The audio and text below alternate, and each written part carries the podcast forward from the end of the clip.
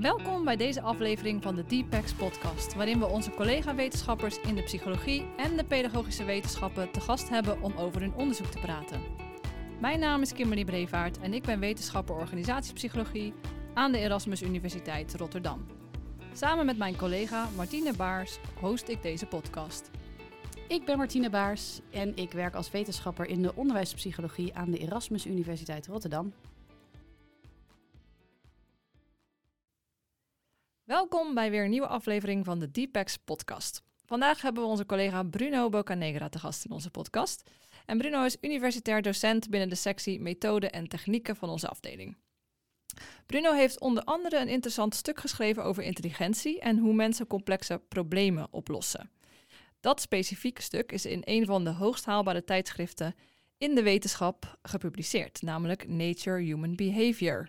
Heel bijzonder dus. Ja, zeker. Ik kan zeggen dat ik een klein beetje jaloers ben wel ook. uh, en we zijn heel blij dat je vandaag te gast bent uh, in onze podcast om meer te vertellen over dit mooie onderwerp. Dus uh, ja, welkom. Ja, welkom. Leuk ja, dat je er bent. Ja, heel, heel erg bedankt voor de uitnodiging. Ja, ja graag gedaan. Ik ben heel vereerd. ik weet niet of het de hoogst haalbare tijdschriften is, maar nou ja. wel een, leuk, van de. Leuk toch? tijdschrift. Ja, zeker een leuk Ik heb tijdschrift. het uh, nog nooit niet eens geprobeerd. Misschien is dat het, Kim. Misschien moet je het toch een keer doen. Ja, ja. Nou, wie weet. Krijg je wat inspiratie vandaag. Uh, ja, maar misschien moeten we maar even bij het begin beginnen. Um, de vraag, wat is intelligentie nu eigenlijk, is eigenlijk een filosofische vraag, toch? Um, ja. En in een blog schrijft een van je co-auteurs dat er twee kampen te onderscheiden zijn. Namelijk het rationalisme en het empirisme. Kan je dat ons eens kort uitleggen? Ja, ja klopt. Uh, mijn, een van mijn co-auteurs, Fenna Politiek, die heeft, een, uh, ja, zij heeft echt een prachtige blog geschreven over eigenlijk de filosofische achtergrond achter de studie. Mm -hmm. En daar heeft ze het inderdaad over die twee stromingen. En uh, dat, dat, dat verschil is, is best wel een belangrijk onderscheid. Die wordt gemaakt ook binnen ons vakgebied, mm -hmm. binnen psychologie, als het gaat om de vraag om hoe wij kennis vergaren. Dus uh, rationalisten die leggen meestal de nadruk op het feit dat onze kennis is aangeboren. Mm -hmm. Terwijl empiristen vaak zeggen, nee, die kennis komt uit onze ervaring.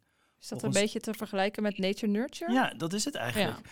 Alleen, het, er, is wel, er, is wel, ja, er zijn interessante verschillen ertussen, maar daar, gaan okay. we het misschien straks wel over hebben. Mm -hmm. Want um, ja, de, de, de, het idee is eigenlijk heel simpel. Dat uh, voor de empirist is het heel, is, het heel, uh, is het heel simpel. Je begint als een blanco vel...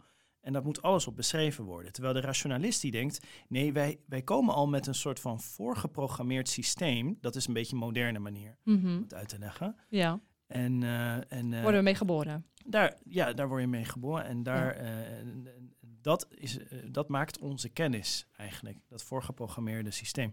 En klassieke voorbeeld is dus onze taalvaardigheid. Onze studie die, die, die heeft, heeft het over deze dichotomie, maar niet op deze klassieke manier. Dus het is net een andere manier om naar dit onderscheid te kijken. Ja, precies. Dus, dus nu denkt misschien de luisteraar wel van... wat een vreemde eerste vraag dan, als het eigenlijk daar niet helemaal over gaat. maar als ik het zo las, dan past jouw onderzoek eigenlijk wel het beste bij het kamp van de empiristen. Klopt dat, dat dan? Ja, dat is wel heel erg waar. We zijn erg geïnteresseerd in de rol van onze omgeving in het verwerken van kennis. Dus we zijn erg empiristisch.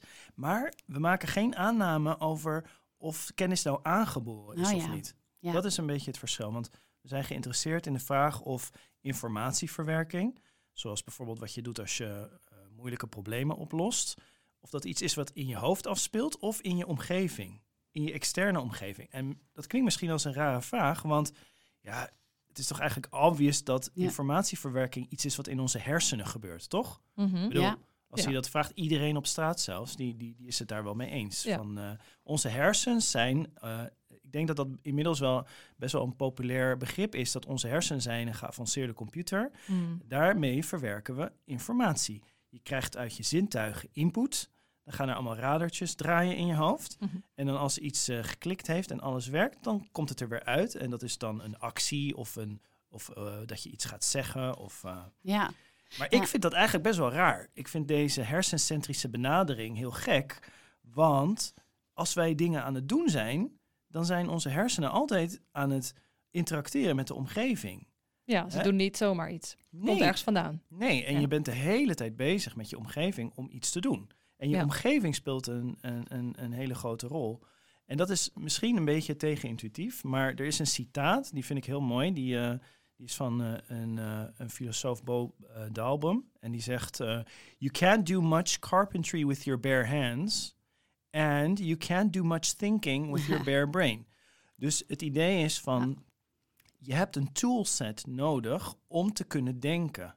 Ja, En zodra je met, met die denkstap maakt, dan is het eigenlijk best wel, ja, dan, dan is het eigenlijk obvious dat alles wat wij doen, elk denkproces speelt zich ook in de omgeving af. ja. Ja. Niet in onze hersenen alleen. En dat was eigenlijk de kern van wat jullie wilden onderzoeken, hè? Ja, precies. Ja. Dus wij wilden, wij wilden weten in hoeverre mensen hun omgeving gebruiken om vooral moeilijke problemen op te lossen. Want Ja. moeilijke problemen zijn het kenmerk voor on- eh, iets waar we best wel trots op zijn, namelijk het feit dat we intelligent zijn. Ja. Mm. En eh, eh, dus, dus intelligentie of IQ.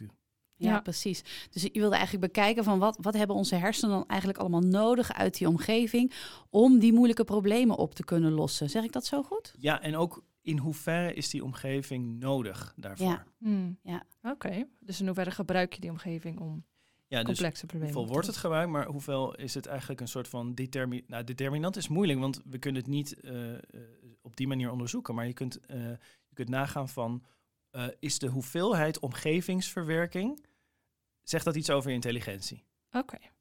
Nou, laten we daar eens even meer de diepte in gaan. Dieper op ingaan. Ja. Ja. dat is ingewikkeld natuurlijk. Ja, zeker. Ja, het is best complex. Ehm, een van de belangrijkste inzichten uit jouw studie waar we het eh, nu over hebben, is dat we dus onze omgeving gebruiken om complexe problemen op te lossen. En hoe dit dan is gerelateerd aan IQ. Eh, hoe heb je dit onderzocht? Laten we daar eens mee beginnen. Ehm, en waarom op deze manier? Nou, we zijn, het is eigenlijk begonnen met, eh, met iets heel simpels. Ehm, ik was ooit eens eh, bezig met een, eh, eh, het ontwikkelen van een studie. En daar hadden we als een soort van bijzaak hadden we een intelligentietaak erbij. En dat was de Raven. eh, matrices taak. Dat is een hele klassieke taak. Die is een van de meest gebruikte intelligentietesten. Ehm, het is iets, veel mensen zullen het herkennen, want in andere versies van de intelligentietoetsen krijg je ook zoiets. Dat is namelijk, je krijgt een soort van puzzel. En dan heb je een paar eh, eh, plaatjes. En die plaatjes hebben een bepaald patroon. En dan mist er één plaatje. En dan moet je, Oh, ja. moet je kiezen, wat is het missende plaatje? Ja. Het is gebaseerd op geometrische patronen die zich over die plaatjes eh, herhalen of een progressie is van patronen. Nou, dat, dat is een hele klassieke toets. Ehm, eh, de klassieke manier van die toets doen is heel simpel. Je geeft mensen zo'n zo'n patroontje. Je moet er heel lang naar staren. en, dan, eh, en dan word je steeds nerveuzer, omdat je denkt van... ja, ik was toch slim, hoe kan het nou? ik snap En- het en- niet. ik zie het niet, ik en zie het niet. Uiteindelijk dan selecteer je het correcte antwoord. ja. Ehm, nou ja, persoonlijk gezien was ik hier best wel... eh, ja, ik, ik, vond dit, ik vond het best wel gek, maar ook was ik een beetje teleurgesteld, want ik kon die puzzel niet oplossen. Ja. Mm. Ja. Ik, ik staarde ernaar, ik staarde ernaar. Ik dacht van ja, maar dit is niet zoals ik een probleem zou oplossen. En eerlijk gezegd, dit is natuurlijk eh, om mezelf een beetje goed te praten, dat ik niet zo slim ben. Maar ik, ik heb nodig dat ik iets met die plaatjes ja, ga doen. precies. Ja, het Dus is een beetje wat deed gemaakt. Ja, het is Dus ik heb echt. gewoon ook die ding. Ik dacht van ja, dit kan niet zijn. Ik heb een bepaald IQ. Ik moet die item oplossen. Ik heb het in stukjes geknipt. Ik heb zitten husselen met die plaatjes. Mm. Dus ik heb niet de item veranderd. Nee. Ik heb alleen maar gez- gezorgd dat ik eh, vrijheids, eh, vrijheid had in het herconfigureren het van die Ah, eigenlijk plaatjes. ja. Dus Ja. hoe je ernaar kijkt, Dus ja. ik kreeg ja. allemaal verschillende perspectieven op die combinaties van die plaatjes. Ja. Mhm. En toen was het voor mij niet triviaal, maar het werd mogelijk om het niveau te halen Ja. wat ik dacht dat ik zou moeten hebben. En toen was ik heel blij. ja, dus de manier waarop veranderde. Je kon met die losse stukjes het proberen. Ja. En dat gaf voor jou eigenlijk veel betere mogelijkheid om het op te lossen. Ja, precies. Ja, dus precies. hebben we, dacht ik, ah ja, dit is het. Hè? Want als dit voor mij werkt, dan moet dit een algemeen principe zijn voor de psychologie. Dat is wel Dus- een bekende, me- bekend mechanisme in de psychologie. Precies, zo doen wij ons onderzoek. Dus laten we dit gewoon doen in een studie. Ja. We gaan gewoon die test. Er zijn heel veel studies over die test. We weten van alles over die test. Maar niemand heeft het nog in stukjes geknipt. Nee, het is mooi hoe dit is ontstaan. Dat Ja, vind ik We mooi knippen het verhaal. in stukjes. We gaan twee condities maken. Klassieke conditie. Staren, staren. Je kan er niks aan doen. Mhm. Ja. Kan hem niet Zoals veranderen. die Zoals die eigenlijk eigenlijk altijd al bedoeld ging. is. Ja. eentje waarbij mensen niet op papier, maar dit gewoon digitaal kunnen klikken en Op de dragen. computer. Ah, ja. Mhm. Kunnen ze dingen eh, klikken en dragen. We hebben gekeken of dit een goede voorspeller is. Want wat voorspelt een zo'n eh, testje? Heel veel dingen. Mhm. We weten, het voorspelt eh, eh, hoe goed je het doet op school. wat uiteindelijk je op, hoe, hoe, ja, hoe, hoe- wat voor type baan je uiteindelijk krijgt. Er zijn heel veel voorspellen, zelfs gezondheid en allemaal andere sociale dingen kun je voorspellen met IQ. Ja. Wij gingen alleen maar simpel kijken naar cijfers hè, van studenten. Want Ja. we, ja. we gingen studenten testen, we keken naar hun gemiddelde cijfer. Nou, en eh, wat we zagen is dat, eh, ja, ehm, ze kunnen allebei cijfers voorspellen, maar degene waarbij ze kunnen klikken en dragen, die voorspelt het Toch beter. beter. Dus eigenlijk een beetje wat jij zelf ook ervaarde. Ja. Van, ik kom nu niet tot de oplossing. Ik knip het in stukken en het lukt me beter. Ja. Eh, dat lag waarschijnlijk dichter bij wat je, wat je kan. Mhm. En dat zag je dus nu met die, met die twee condities in de, de studie ook. Dus als studenten op het scherm mochten klikken en slepen om te kijken hoe zou ik dit kunnen oplossen, dan eh, was dat die prestatie in het oplossen van die puzzeltjes een betere voorspeller van hun cijfers. Ja, Ja, dus dat is eigenlijk gewoon een betere voorspeller dan. ja, en dat klinkt misschien niet zo eh, verrassend, maar ik ben, voordat ik deze studie heb gedaan, ben ik naar een conferentie geweest waar er heel veel mensen in de onderwijswetenschappen zaten. Toen ging ik bij de postersessie waar al die mensen waren zeggen, ik ga deze studie doen met de Raven. Ja. Wat gaat er gebeuren? En bijna iedereen zei nee. Je kunt niks meer voorspellen met die, met die taak als je hem in stukjes deelt, Hm. in stukjes opknipt. Ja, ja, ja. Je, moet hem, je moet die moeilijkheidsgraad van het in je hoofd, weet je wel. Je moet het in je Ja. Want het is Ah, namelijk ja, hoe, ja, hoe goed jij Toch je het beeld dat werkgeheugen... je Ja, denkkracht moet meten. precies. En, je- denkkracht is alleen dan in die ja, hersenen. Ja, Dus dat is die assumptie waar we het eigenlijk aan het begin ook over hadden. exactly. Ja. Ja. En dat is dus kennelijk wel... Een, je kunt dat meten, Ja, maar dat is niet een voorspeller voor... eh, hoe goed je dingen doet in de wereld. Nee, Want in de wereld precies. hoef je niet alles in je hoofd te doen. Ja. Nee, ja, zeker want dat niet. is wel interessant. Je kijkt naar de cijfers van de studenten. En om die cijfers te behalen, eh, zullen zij ook meer dan die misschien klassieke denkkracht inzetten. Eh, namelijk, ze hebben misschien wel hulpmiddelen bij de hand om te studeren, om samen te studeren, om materialen te gebruiken bij dat proces. Ja. Dus dat is inderdaad het, ook het verschil wat je wil voorspellen misschien. Hè? Ja. En heb je nog gekeken naar wat dan studenten deden als ze mochten klikken en slepen? Eh, deden ze dat veel of, of hoe zag dat eruit? Ja, ja, dat was de tweede stap. Want we hebben eigenlijk eerst gekeken naar, naar dat, doet die taak überhaupt iets? Nou, dat was interessant genoeg om ernaar te gaan kijken. En toen zijn we in die taak ge- gedoken. Ja, ja. Dus er zijn heel veel verschillende patronen. En als je, en dit hebben we niet eh, eh, echt, echt systematisch bekeken, maar kwalitatief gezien zie je allemaal verschillende strategieën. Iedereen Ja. heeft hele Mm. idiosyncratische manieren om die dingen op te lossen. En dat mag ook. Ja, En dat werkt ook. Maar Ja. dat werkt op een hele individuele manier. ja, precies. Wat wij wel hebben gedaan is gedacht, oké, dat wordt een beetje te moeilijk. Laten we een hele basale manier, of een hele eh, simpele manier eh, proberen te vinden om te kwantificeren of zij eh, goed bezig zijn met het oplossen van de puzzel of niet. In het verplaatsen van Verplaatsen die en stukjes. het dingen. ja. Oké, ja, of En ze dat- eigenlijk de juiste, juiste verplaatsingen maken Of in ze bepaalde mate. überhaupt eh, bezig waren met het werken aan de puzzel. Ja, precies. Het, ja. Ja. precies. Ja. En eh, dat, eh, dat, dat hebben we gedaan en dat is heel erg goed gelukt. Want we hebben uiteindelijk een soort van een maat kunnen bedenken en mete- meteen ook een methodologie kunnen maken om te kunnen kwantificeren in hoeverre mensen hun omgeving aan het gebruiken zijn. Ja, Hm. ja, En dat is een beetje, ja, dat is een beetje technisch. Eh, dat paper gaat er eigenlijk voor een groot deel over van hoe je dat wiskundige zo moet kwantificeren. ja, De, de, de hoeveelheid structuur in hun probleemoplossings. Ah, ja. eh, acties. ja, ja. ja. En, maar als je dat uiteindelijk doet, dan kan je een maat hebben voor de, hoe- voor de hoe, hoe vaak mensen zeg maar eh, afwisselen eh, het, het, het, het, het eh, nadenken in hun hoofd en het uitproberen in hun omgeving en de wisselingen daartussen, die, die voorspellen dus heel goed wat hun score is in de toets zelf. Ja, precies. Ook een bepaalde mate van efficiëntie haast. Ja. Hè? Van als je dan nadenkt en je verplaatst stukjes, in wat voor patroon doe je dat? En is dat efficiënt ten opzichte Precies. van jouw oplossing? Ja, Oké, ja. ja. Dat is wel interessant, want in het artikel beschrijf je ook dat die omgeving eigenlijk als het ware een beetje een externe harde schijf kan zijn. eh, en ons dan dus kan helpen met eh, het werkgeheugen wat minder te belasten. Nou, het werkgeheugen is beperkt, dus het is heel slim om dat wat minder te belasten. En in jouw studie lijkt dat ook een beetje aan de hand. Hè? En kun je uitleggen waarom dat dan zo werkt en, en waarom dat belangrijk is? Klopt. Ehm, je omgeving is ook feitelijk een harde schijf, want we slaan eigenlijk heel veel uh, informatie extern op. Um, in onze studie, eigenlijk gaat het nu over de vraag van waarom ja. werkt het goed om, om dingen in je omgeving te verwerken. Ja. En één ding is, uh, omdat je je omgeving dus als een geheugen kunt gebruiken. Je kunt het als een werkgeheugen gebruiken. Um, dus het is een plek dus, als je, als je het bedenkt, het is een plek waar je informatie kan husselen, verplaatsen, vergelijken, ordenen. En die processen, die leiden, die kunnen leiden tot inzichten. En ik denk dat iets is wat wij soms over het hoofd zien, is dat als jij iets eh, buiten je om externaliseert en dan gaat verplaatsen en husselen, dan krijg je misschien kleine oplossingen te zien die je van tevoren niet had kunnen bedenken. In het Engels heb je daar een heel mooi woord voor, dat heet serendipity. Ja. dus ik kan een bepaald idee hebben over de puzzel. Ik doe mijn best, ik kom vast te zitten. Maar omdat ik een stapje terug kan doen en naar kan kijken, dan heb ik misschien toevallig twee dingen geordend op een manier die ik niet had geanticipeerd. Dan denk ik, hey, kom ik op een nieuw idee. Triggert iets. Ja. Het triggert, het is een input voor een nieuw idee. En omdat ik dat weer ga externaliseren, heb ik weer een nieuwe, nieuwe vraagstelling eigenlijk over de puzzel. En dan ga ik opnieuw proberen.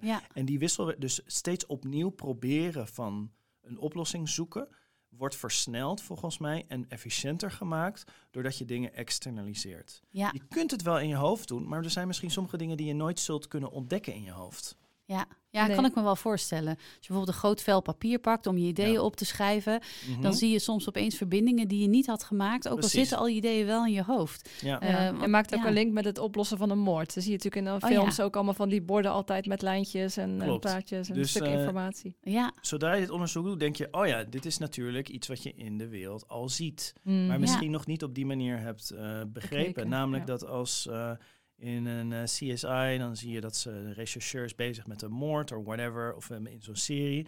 En dan, wat doen ze? Ze hebben een super complex probleem. Ze gaan alle informatie die ze hebben externaliseren op een enorm bord of een muur.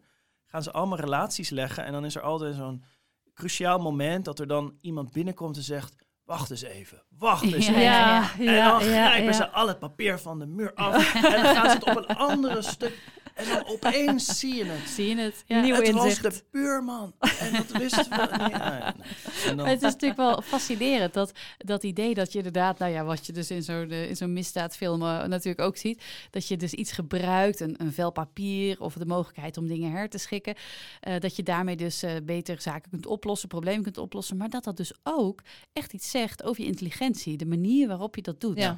Want dat is wel echt een interessante, ja. interessante uitkomst, zou ik zeggen. Want het, het grote vel gebruiken, daar zullen ook vast veel mensen zeggen, ja, dat wist ik al. Maar toch die connectie van, ja, als je dat eens op een bepaalde manier doet, dat is gerelateerd, of het is een voorspeller van hoe goed je kan presteren. Ja, dat is wel echt een hele bijzondere uh, bevinding, denk ik. Uh, eentje die veel inzicht geeft.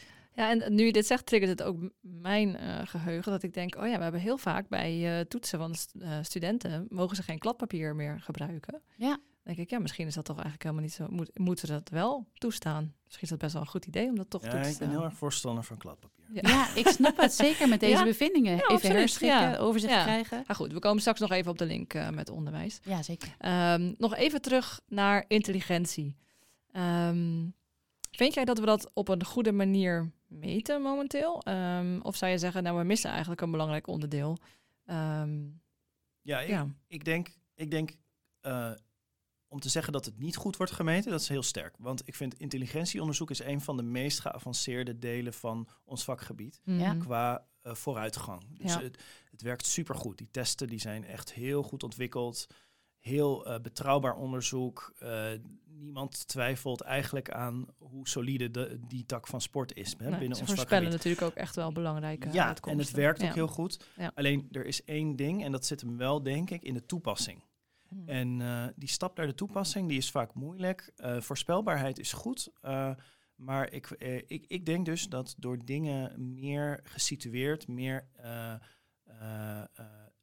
echt te maken, dus zoals mm -hmm. het in de echte wereld ook werkt, mm -hmm. daardoor wordt het ietsje rommeliger.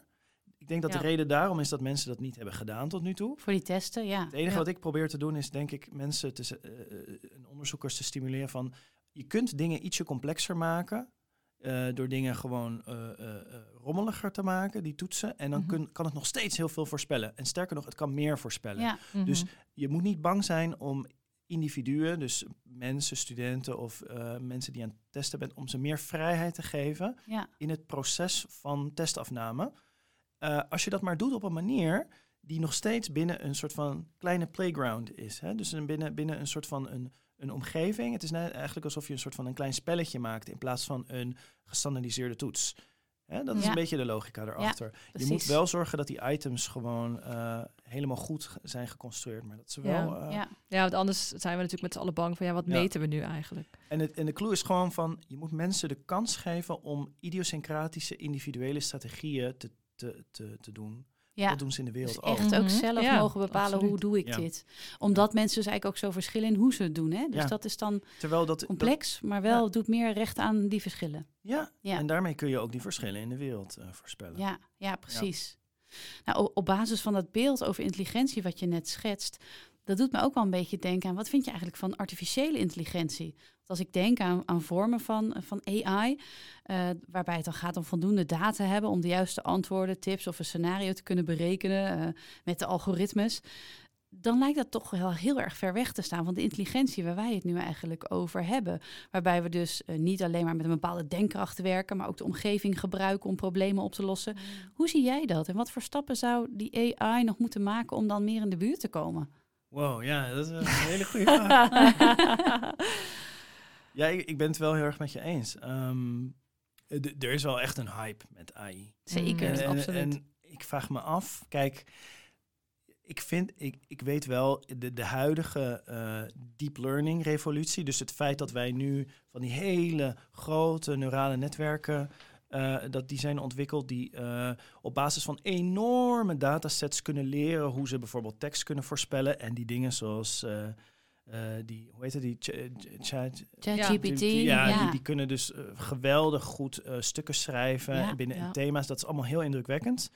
Eh, maar het gaat nog steeds om hele specifieke en begrensde taken. Ja. Ehm, je kunt niet, ja, je, je, je kunt niet vragen aan ChatGPT om, eh, om je auto in te parkeren, bijvoorbeeld. Weet je wel, dat, dat, dat, dat, dat lukt niet. Die kan wel een, ja, die kan een formule geven om dat te doen, hè? Ja. Maar als je, als je een interface zou maken met een computer die visuele input heeft, dat, dat lukt ze niet. Dus eigenlijk, kijk, het is heel indrukwekkend, maar wat ik zie is dat hele specifieke dingen, zoals tekstvoorspelling of schaken of plaatjes herkennen, dat kunnen die systemen supergoed. Ja, Maar zodra ze een open-ended werkelijkheid ja tegemoet treden, dan lukt het niet.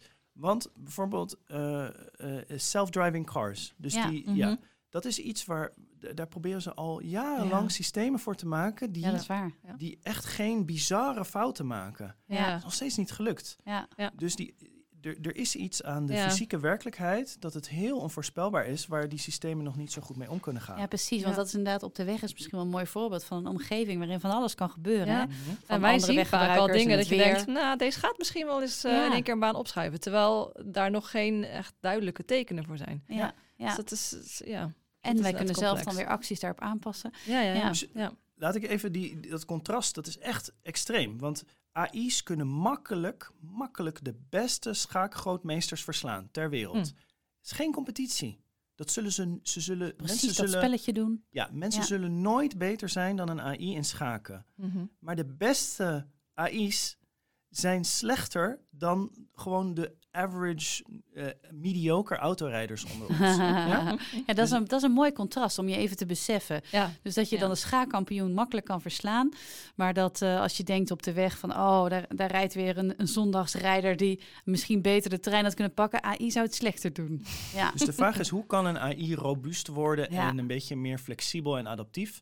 Nou, ik denk als die AI de kans krijgt om eh, nieuwe, om zichzelf zeg maar te verbeteren en te leren, niet op basis van gestandardiseerde input, ja. dus bijvoorbeeld steeds dezelfde voorbeelden, Mhm. maar dat hij zelf in de wereld stapt, zijn eigen denkproces ziet in de wereld, dat hij symbolen ziet om zich heen. Hij kan opeens de omgeving zien als, als, als, als, eh, als een soort van bevestiging van zijn eigen idee. Dan gaat hij zijn idee daar mi- misschien aan aanpassen en dan gaat hij de omgeving weer aanpassen daarop en dan leert hij weer iets nieuws. ja. Dus dat is... Dus dat hij is- moet eigenlijk gaan interacteren met die omgeving... zoals we eigenlijk aan het begin van dit gesprek ook zeiden... over Ja. nou ja, studenten in jouw Mhm. studie. Dat je mag Ja. interacteren met wat je eigenlijk moet doen. Ja, dat, dat zou kunnen. Ik weet niet, misschien dat dat hem helpt. Eh, Ja, wie weet, dit weten we inderdaad niet, hè? Ja, Nee. en ergens denk ik toch altijd als ik dit hoor, dan denk ik, ah, ergens wel prettig. Hè? Dat wij toch nog, dan voelt het toch nog alsof je enige ja, mate ja. van controle hebt over dat. Ja. hele Laat het zo houden. Ja, ja. Ja, misschien is dat ook wel zo fijn, ja. ja, er zijn Ja. echt nog wel zodra je, ergens ze, zodra je ze handen geeft en voeten en dan eh, dat ze opeens kunnen... Stel je voor, hè, een AI die kan opeens gaan schrijven en die kan dan opeens gaan, eh, gaan discussiëren met een andere AI en dan gaan ze op een bord krabbelen en dan, je weet niet eens waar ze het over hebben. Klinkt een beetje eng, hè? Ja, ja. Klinkt heel futuristisch. Ja, precies. Een slechte film. ja, een slechte film, ja. ja. Ja, om nog even terug te komen op, eh, op het onderwijs. Jij bent ook docent, net als wij. Ehm, ja, en ik gok dat je regelmatig te maken hebt met studenten ehm, die de, jouw vakken volgen, het ook complexe materie Zeker. vinden. Ehm, zie jij een relatie tussen wat jij hebt gevonden in je onderzoek en jouw ervaring in het onderwijs? Ja, e- eigenlijk wel. En ehm, ik praat er ook heel veel over tijdens mijn, eh, mijn onderwijs. Ja. Eh, het onderwijs dat ik geef is, heeft dan ook weer de eigenschap dat het wordt ervaren als heel erg moeilijk. Want ik geef, voor Mm. een- ik geef eigenlijk uitsluitend Oh statistiekonderwijs. ja, Eh, dus dat is, dat is pittige materie. iets wat voor veel studenten. psychologie-studenten Ja. vrezen. Ja. Het is ook een materie waarbij mensen niet zoveel voorkennis hebben, of tenminste niet zoveel intuïtieve voorkennis om Mm. dingen te kunnen gokken. Ja. Dus ze moeten Ja. dingen best wel echt opbouwen vanaf de, vanaf de bodem eigenlijk. ja. En ehm, om dat te doen, vind ik, ja, ik zeg altijd tegen ze van ja, je moet gewoon zo min mogelijk nadenken. Kijk je vast heel vreemd Gewoon doen. Gewoon Ja. niet nadenken. Als je niet Eh. hoeft na te denken, waarom zou je het doen? Dus daar bedoel ik mee van, je hebt een pen, je hebt papier. Ja, of ja, vaak ja. In, de, in de klas hebben we een whiteboard. Mhm. We doen moeilijke problemen. Eh, en studenten zijn zo gewend dat ze, zo, want ze zijn zo slim, dat ze gewoon ergens naar kunnen Even staren. nadenken. Oh ja. En dat ze dan, hm, hm, hm, en dan zeggen ze, ja, ik zie het niet. Ik zie het antwoord niet. Ik zeg, ja, maar je probeert het in je hoofd te doen. Dan zou ik het ook niet zien. Ja, Dus je wil ja. eigenlijk dat ze uit hun hoofd komen. laten Ja, ik zeg gewoon van, eerst schrijf je alles op wat je weet. Dan ga je de relaties tussen die dingen even aangeven. Dan ga je nadenken. Ja, ja, dus dan, Mm. dan kunnen ze het opeens wel. Ja, want onze, we hadden het net al even over, die, eh, over dat kladpapier. Maar we hebben natuurlijk een vrij kale examenhal. ja. Ja. Met weinig tot geen externe hulpmiddelen Mhm. tijdens de toetsing. Want daar vind je vast ook wat van. Ja, ik, zeg, ik zet altijd bij mijn toetsen van, eh, ze mogen kladpapier gebruiken en pen. En ze mogen ook Mhm. een rekenmachine gebruiken. Ook, ja, oké. Ehm, Statistiek is ook niet... eh, En dan af en toe dan zijn er mensen die dat, eh, ja, die, die, die, die dan daar moeilijk over doen. Dus de surveillanten soms die zeggen van, Ah, ja. ja. je mag geen papier gebruiken. En ze Oh, nee, nee, ja, dat mogen ja. ze wel. ja. Dus de- kennelijk is dat wel heel erg ingebakken van, Ja. je mag niet geholpen worden tijdens Ja. het maken van, nou ja, Nou ja, en ergens doen we dat waarschijnlijk ook eh, ja, een beetje om te kunnen controleren dat eh, niet alle tentamenvragen bijvoorbeeld over worden geschreven. ja, dat, ja, ja, dat zal de reden tuurlijk. zijn. Hè? Dus, dat is waar. Ja. Ja, Maar maar, als ze het maar gewoon achterlaten, het papiertje. Ja, zeker. Ja. Ja, en dat betekent voor surveillanten natuurlijk dat ze dat allemaal goed moeten Ja, controleren. Dat is waar. Ja, Ja, dat had ik weer niet bedacht. Ja, klopt. Maar goed, ik vind het wel een hele goede reden om dat, dit, dit hele idee van geen kladpapier bij veel vakken te herzien. Ja. Ja. Dat ik inderdaad zeggen. ja, want het is eigenlijk maar een kleine moeite. Dat is, het is in ieder geval praktisch wel mogelijk. Ja, absoluut. Ja, ja. En dan is de vraag van, misschien kun je het, eh, kun je het een beetje uitbreiden. Ja. Hè, dus ik zie geen probleem in... eh, ik vind niet dat mensen toegang moeten hebben tot het hele internet. Nee. Want daarmee kunnen ze heel veel dingen gaan opzoeken en hoeven ze zelf niet meer na te denken. Maar bijvoorbeeld standaard software, zoals bijvoorbeeld Excel of eh, ik weet niet, misschien mindmapping software of andere dingen die het liefst dingen zijn die ze hebben leren gebruiken tijdens de, Ja, de, cursus. Ja. Mhm. Dus als jij bepaalde tools hebt, we hebben ook wel statistische software die ze gebruiken, die laten wij hen ook gebruiken tijdens de toetsen. Dus in die zin doen Ja. wij dit al. Ja. Dat moeten ze kunnen gebruiken om die vragen te beantwoorden. Ja, dat ja precies. Dus tijdens het leerproces dan leer je eigenlijk ook om in een bepaalde mate hulpmiddelen of je externe omgeving in te zetten. Ja. En dat zou je dan bij de toetsing eigenlijk het liefst ook eh, zo willen doen. Ja. Eh, dat klinkt wel logisch, ja. Ja. Ja. ja. want los van de tentamens, hè, daar, daar gaat natuurlijk een heel leerproces aan vooraf. Ja. Ehm, wat, vind jij, wat vind jij dat we daar eigenlijk nog beter kunnen doen eh, in het gebruik van externe omgeving? Zie je daar nog kansen? Ja, ik, eh, ik denk dat we het wel kunnen gebruiken. Vooral ja, eigenlijk in al het onderwijs. Ik ben geen onderwijskundige, maar ik heb zo de intuïtie dat de onderwijskundigen al dit al weten. Want eh, ik denk dat, eh, ja, ik, ik denk misschien is dit wel meer ingebakken in het basisonderwijs dan in Mm. het hoger onderwijs. Want bij ja, ons is er wel, wel, we hebben wel flipovers en zo en dat is wel goed. We hebben ook whiteboards, dat is ook goed. Maar ik weet het niet. Er is wel een verschuiving naar. Vroeger had je, had je dan een paar eh, eh, blackboards en dan had je eh, veel meer zeg maar fysieke externe middelen in een, in een klas. En nu heb je vooral één smartboard. Ja. En dat is oké. Ik ben niet tegen een smartboard, maar de smartboard is een fysieke beperking. Als je bedenkt, de, de maat van de smartboard is al kleiner hè, dan Ja. de hele ruimte. Mhm. Dus dat is ook al iets. Eh, dus ja, ik, ik- het liefste zoveel mogelijk. Dus ik zou zeggen, zowel smartboards als papier, als flipovers, als post-its, als eh, Mhm. whiteboards. Misschien ook eh, 3D-printers in elke klas, zodat je dan dingen Ja. kunt uitproberen, weet ik veel. Mhm. Maar misschien is dat heel Ja. futuristisch. Ik kwam toevallig een tijd geleden in heel veel basisscholen. Dat is... ja, je moet wel, hè? Ja. Als, je wil, als je een kans wil maken voor je kleintjes. Ja, tegenwoordig je bezoek je er dan heel veel. Exactly. En, ja, maar dan zie je echt, echt, dan zie je dat er voor de kleinste Ja. worden die klassen optimaal ingericht voor de externe informatieverwerking. Ja. Ik was echt verbaasd, want dat is in de latere klassen ietsje minder. Overal zie je papier, krijtjes, touwtjes, blokken, kralen. Je hebt, je, hebt, je, hebt, je hebt van alles die ze kunnen gebruiken om hun kennis, zeg maar, zowel op de op fysieke plekken, maar ook met bepaalde kleuren en bepaalde Ja. dingen en categorieën en doosjes kunnen ze alles, zeg maar, ze kunnen, omdat zij geen werkgeheugen hebben, wat logisch is, want ze zijn heel klein, dat Ja. weten we allemaal, hè? Ja. Ouders Als je ons. vier bent, hè? Ja, ja, ja. Hoe vaak wij- heb ik dit al gezegd? Ja. Exactly.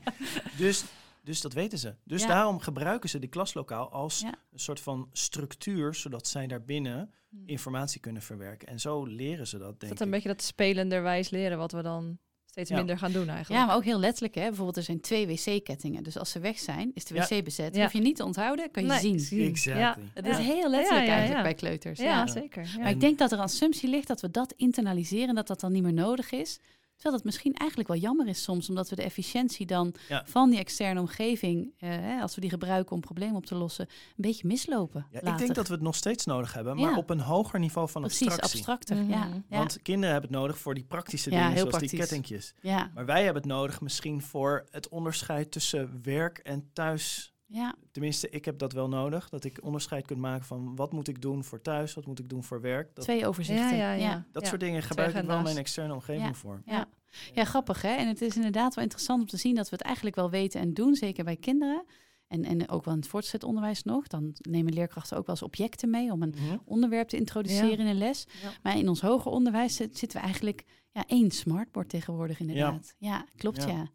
Ja. en eigenlijk is dat, wel, eh, is dat wel een interessante gedachte. Van, we, we weten dus eigenlijk wel dat we die externe omgeving kunnen gebruiken, maar lijken het een beetje te vergeten als we in het hoger onderwijs terechtkomen. Ja.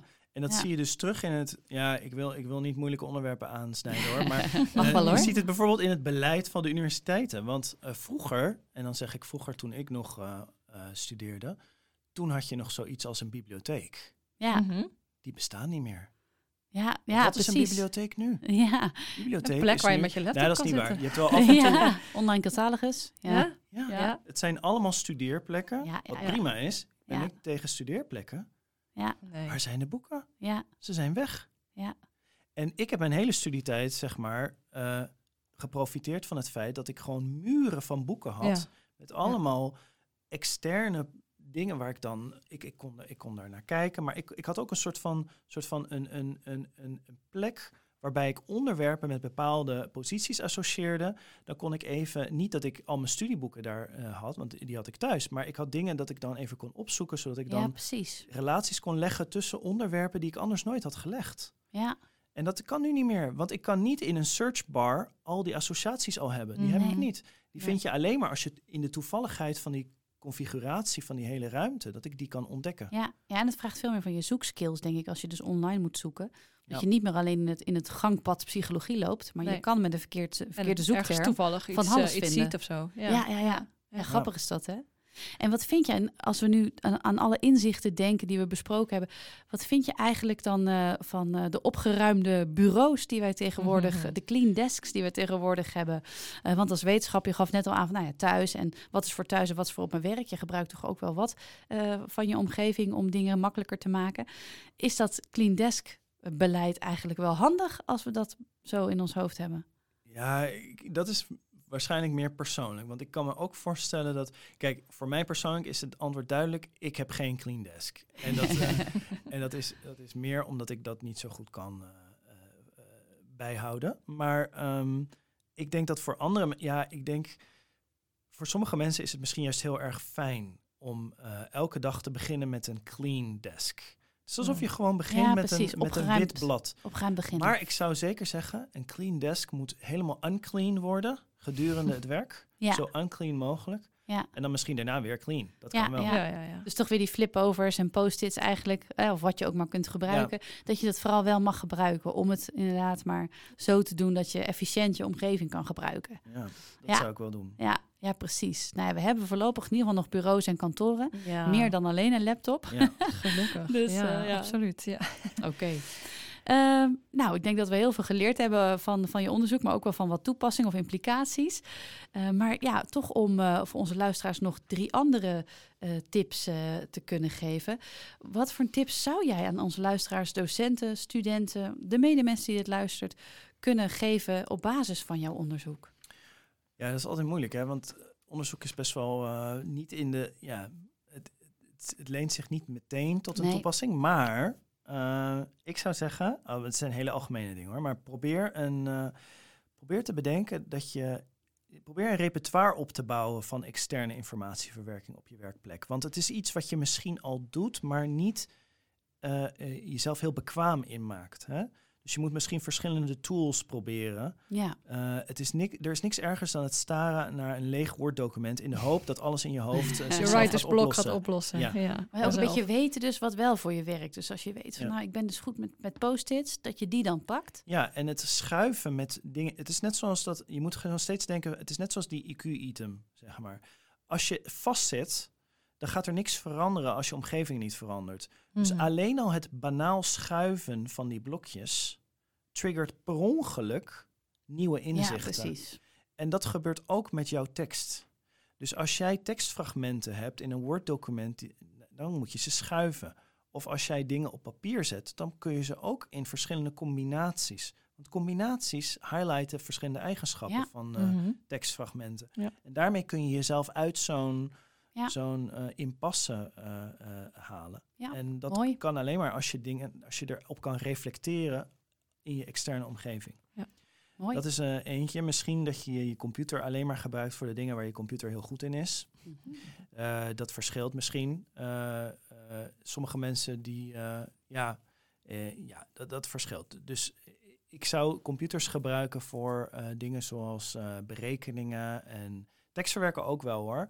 Maar niet voor eh, brainstormen of zo. Of, eh, eh, ook niet voor communiceren met andere mensen. Daar, daar zijn computers gewoon niet zo goed voor. Je moet Nee, dat gewoon precies. in het echt doen. Kijken waar gebruik je het voor en Ja. wat doe je dus in het echt, in die omgeving, Ja. met anderen ook. Ja, En dus bijvoorbeeld, dat is dan het derde punt, misschien zoveel mogelijk in real life te interacteren. ja. Want je moet niet, want dit gaat alleen maar over het externaliseren van ideeën op een fysiek medium, bijvoorbeeld symbolisch eh, op papier of zo. Maar ik denk dat de oorsprong van deze feedback loop zit hem eigenlijk in het feit dat wij sociale intelligentie, Ja. dat wij sociaal Mhm. intelligente mensen zijn. Onze civilisatie is opgebouwd uit onze samenwerking. ja. En die feedback loop is dat ik met jullie praat. Ja. Ik externaliseer een raar idee bij jullie. jullie geven het weer terug met mij met een vervolgvraag. Ja. Dan zie ik, oh ja, dat is wel heel interessant. Eh, had ik niet, eh, eh, ja, en ja, dan geef ik het weer terug. En die back and forth, dat is eigenlijk hetzelfde. ja.